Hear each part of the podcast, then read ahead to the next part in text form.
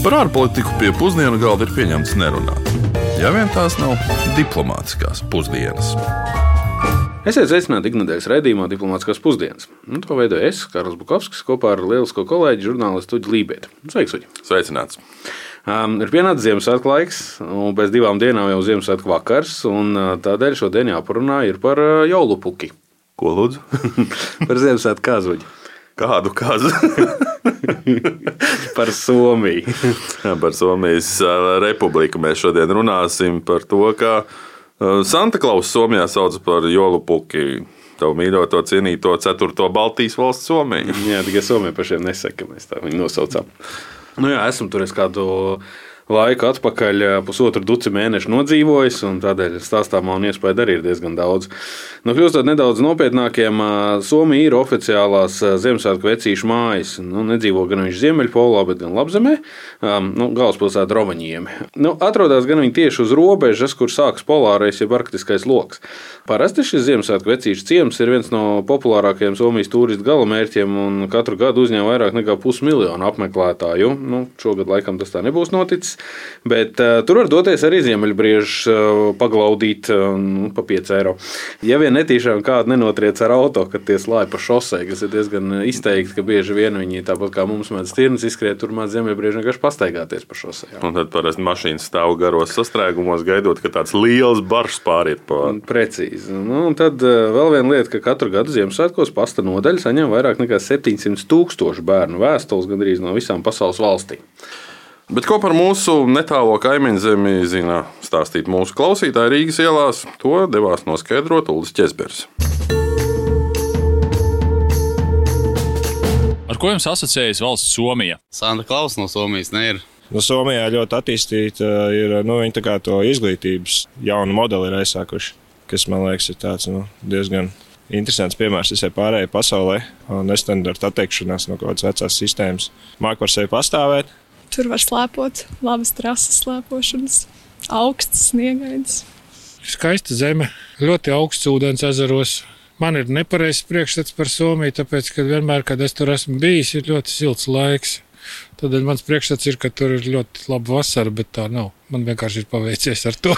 Hokeja, ziemas sporta veidu. Nu. Forša valsts, Somija ir būtis, ātri rallija braucēji. Nezinu, patīkam tur uh, atrasties un aizbraukt ciemos pie viņiem. Vēsturiski Somija ir bijusi Zviedrijas province, un pēc tam tās mm, pakļautībā arī esoša lielhercogisti. Tas bija no 12. līdz 19. gadsimtam. Un vēlāk Somija bija arī autonoma Krievijas lielhercogisti. Tas pēc 1809. gada. Un pilnīgi neatkarību tā pasludināja 1917. gadā, un tad arī piedzīvoja pilsoņu karu, kurā sociālistu revolucionāri piecus mēnešus cīnījās pret, nu, pret baltajiem, ja tā var teikt kas bija viss, kas negribēja Somijas eh, Sociālistiskās strādnieku republikas izveidi. Jā, no 1919. gadā pieņēma demokrātisko konstitūciju, un oficiāli Somija tā arī nekad nezaudēja savu demokrātisko sistēmu. Starp citu, tādēļ arī eh, Somijas parlamenta vēsturiskās ēkas, masīva kolonas ir uzbūvēts, lai simbolizētu to, ka neskatoties uz to, ka šajā starpkara periodā ļoti daudzas valstis, ieskaitot arī uz dienvidiem esošās Baltijas valstis, atteicās no demokrātijas, nu, Somija to nekad neatteicās. Nu, Zviedrija ietekme, cīm redzot, tomēr ir bijusi nozīmīga arī šajā jautājumā. Arī otrā pasaules kara laikā Somijas vēsture bija nu, gana sarežģīta. Vispirms tā veiksmīgi aizstāvēja savu neatkarību jau Ziemasskarī ietvaros. Proti, atšķirībā no mums, Somija nepieņēma PSRS ultimātu par kara bāzu izvietošanu. Visai loģiski tam sekoja arī militārs uzbrukums. Un, rezultātā Somija zaudēja Karēliju, bet saglabāja neatkarību. Un Karēlija valsts centās atgūt, sadarbojoties ar nacistisko Vāciju un karojot pret PSRS tā saucamā kontinuitātes kara laikā. Jā, tas būtu interesants fakts par, par tieši par radio izstāstāms. Jo Somijas Nacionālā radiostacija Ule, precīzāk, kāds tās inženieris, ierakstīja Hitlera balsi ārpus oficiālajām sarunām, ko Hitlers nebija ļāvis. Nu, vienmēr viņš ļāva ierakstīt tikai oficiālās uzstāšanās. Tas notika 1942. gada 4. jūnijā, kad Hitlers ciemojās pie Somijas bruņoto spēku virspavēlnieka un faktiskā valsts vadītāja dzimšanas dienā pie barona Gustava Emīla Mannerheima, nu, kurš ir zviedrs, kuru sauc arī reizēm par izcilāko somu. Ierakstu pašu, starp citu, var diezgan viegli internetā atrast, un tiem, kas saprot vācu valodu, noteikti būs diezgan interesanti, jo varot pat saklausīt Hitlera austriešu akcentu. Jā, bet um, nacistiskā Vācija tomēr par laimi tika sakauta, un līdz ar to arī Somijas izredzes atgūt Karēliju bija zaudēts. Valstī bija tagad jau pēc PSRS spiediena un ienākšanas Somijas teritorijā jākaro pret nacistisko Vāciju, tā saucamajā Labzemes karā. Kad Wehrmachtu dzina no valsts teritorijas laukā, tostarp caur Norvēģijas teritoriju valsts ziemeļos. Tikai 47. gadā Somija atguva faktisku neatkarību no PSRS, noslēdzot sadarbības līgumu, kas visu augstāko laiku lika nu, neitrālajai Somijai tomēr būt politiski, militāri un arī ekonomiski sasaistītai ar Padomju Savienību. Nē, tas ir tā saucamais finlandizācijas posms, kad valsts bija juridiska un pēc institūcijām demokrātiska, bet vienlaicīgi neko neteica sliktu par PSRS un ļoti, pat, pat pārāk, bieži vien paļāvās uz prezidenta Urho Kekonēna spēju sarunāties ar padomu vadītājiem. Vienlaicīgi... Ko nozīmē diez šādas sarunāšanas? Mm, jā. Vienlaicīgi jau kopš 1960. gadiem Somija cieši sasaistīja savu tirgu un politiskās attiecības ne tikai ar Ziemeļu valstīm, bet arī ar Eiropas ekonomisko kopienu, nu, kas ir mūsdienu Eiropas Savienība. Nu, pašā Eiropas Savienībā viņi iestājās 1995. gadā. Nu, šis viss vēsturiskais ekskurs, ko mēs tikko veicām, ir būtisks, jo mēs tik bieži dzirdam par to, ka Baltijas valsts varēja būt Somija, vai ka Somijā viss ir labāk nekā pie mums, un te ir virkni aspektu un atšķirību, kas tomēr būtu jāņem vērā.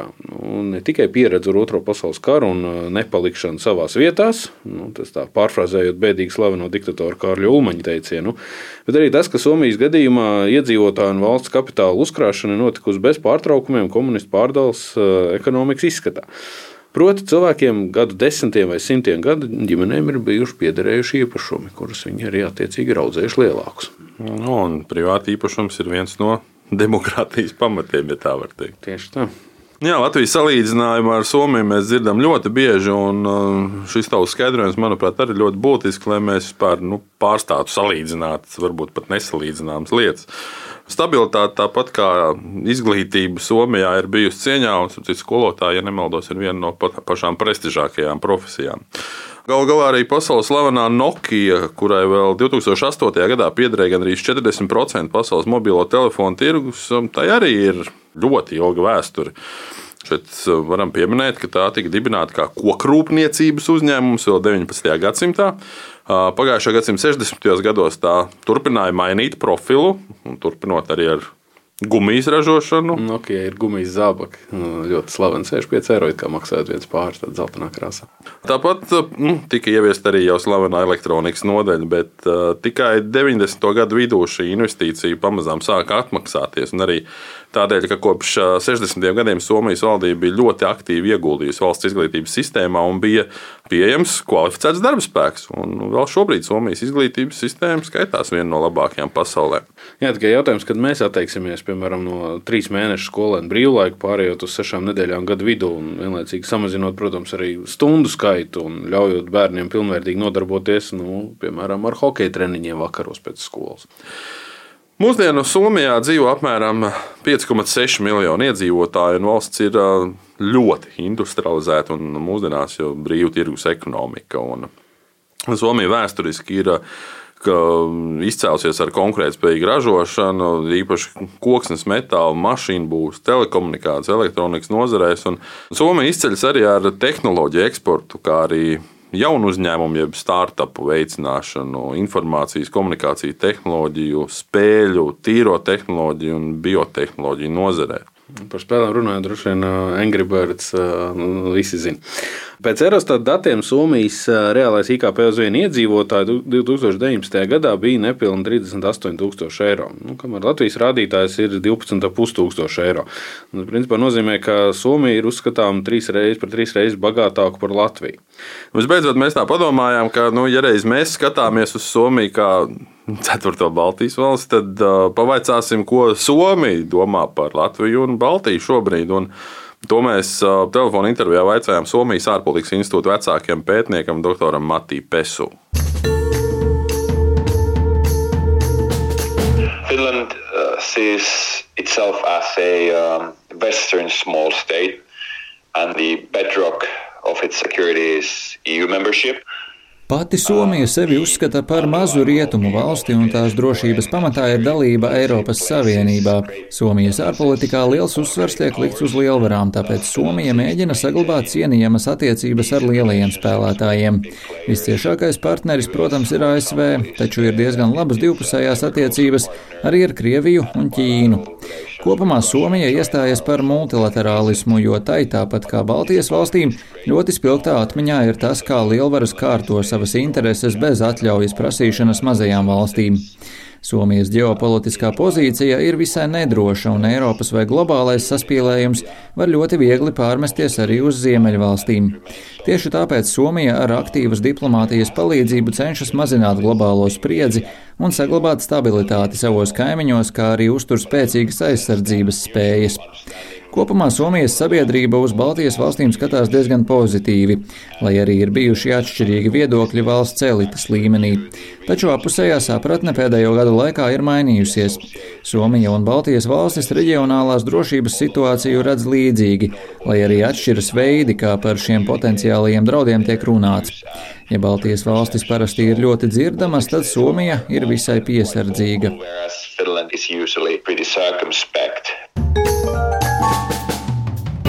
Nu, kā mēs viens uz otru skatāmies, vienmēr laikam jāpatur prātā, ka skaudība nav produktīva. Nu, skaudība bez rīcības situācija un dzīves līmeni neuzlabo, un tāpēc kaimiņus apskaust nevajag, jo viņi ir dzīvojuši citādi un ar savām pieredzēm. Bet mācīties un pat kopēt dažādas veiksmīgās pieredzes un paņēmienas no kaimiņiem gan vajag. Arī mums nevajadzētu vienmēr censties izgudrot riteni no jauna, ja tā var izteikties, ja mēs varam vienkārši paņemt lietas no Somijas pieredzes. Līdzīgi, starp citu, kā Somija gadsimtiem ilgi mācās un ir ņēmuši ņēmuši paraugus no Zviedrijas. Tas, starp citu, arī bieži tiek uzskatīts par vienu no viņu veiksmīgā stāsta galvenajiem iemesliem. Viņa prakses un tradīcijas aizgūši no Zviedriem un ir bijis efektīvs un laiku taupošs risinājums, lai straujāk uzlabotu savu dzīvi. Lai cik būtu paēdis, vienmēr ir vieta arī desertam. Parasti, kad mēs tuvojamies Ziemassvētkiem, ļoti bieži pieminām Santa Klausu, Ziemassvētku vecīti ar visiem saviem, visiem saviem briežiem, tad uh, ir tāds um, visrūpīgāk slēptais noslēpums par ziemeļu briežiem. Uh, vai tu zini, kas tas ir? Nē, stāsti. Visticamāk, ka Rudolfs varētu būt viņa. Ko tas maina? Nē, proti, ja mēs skatāmies visiem ziemeļbriežiem, kas ir kamanās, ir ragi. Un uh, uz jauno gadu vai uz Ziemassvētku laiku ragi ir tikai mātītēm ziemeļbriežiem, jo ziemeļbrieži ir vienīgie brieži, kuriem ragi ir abiem dzimumiem, bet te viņi ragus ir nometuši jau novembrī. Līdz ar to visas tās ir mātītas. Un teorētiski tam būtu jābūt arī Rudolfam, jo Rudolfam arī ir mazi radziņi.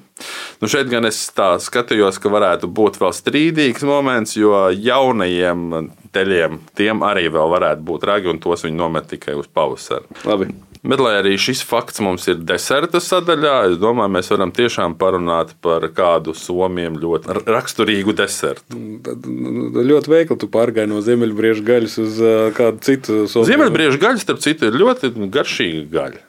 Nu, labi, tad, tad ko tad tu gribēsi par slaveno lakrītu, par karēlīs pīrādziņiem vai par mumiņu gaļu? No Mūmiņa nu, domā, to, ka internetā ir atrodama tā nu, visnotaļ melnais joks par to, ka tā ir uh, mozzarella, ir uzskatāma mūmiņa gaļa. Varbūt tomēr parunāsim par saldumiem, kurus ne visiem pasaulē patīk uzskatīt par saldumiem vai par garšīgiem nu, kārumiem. Nu, labi, labi. Tad parunāsim par lakricu. Somijā ir ārkārtīgi populārs saldais ēdiens, sāļais ēdiens, kā nu kurā brīdī.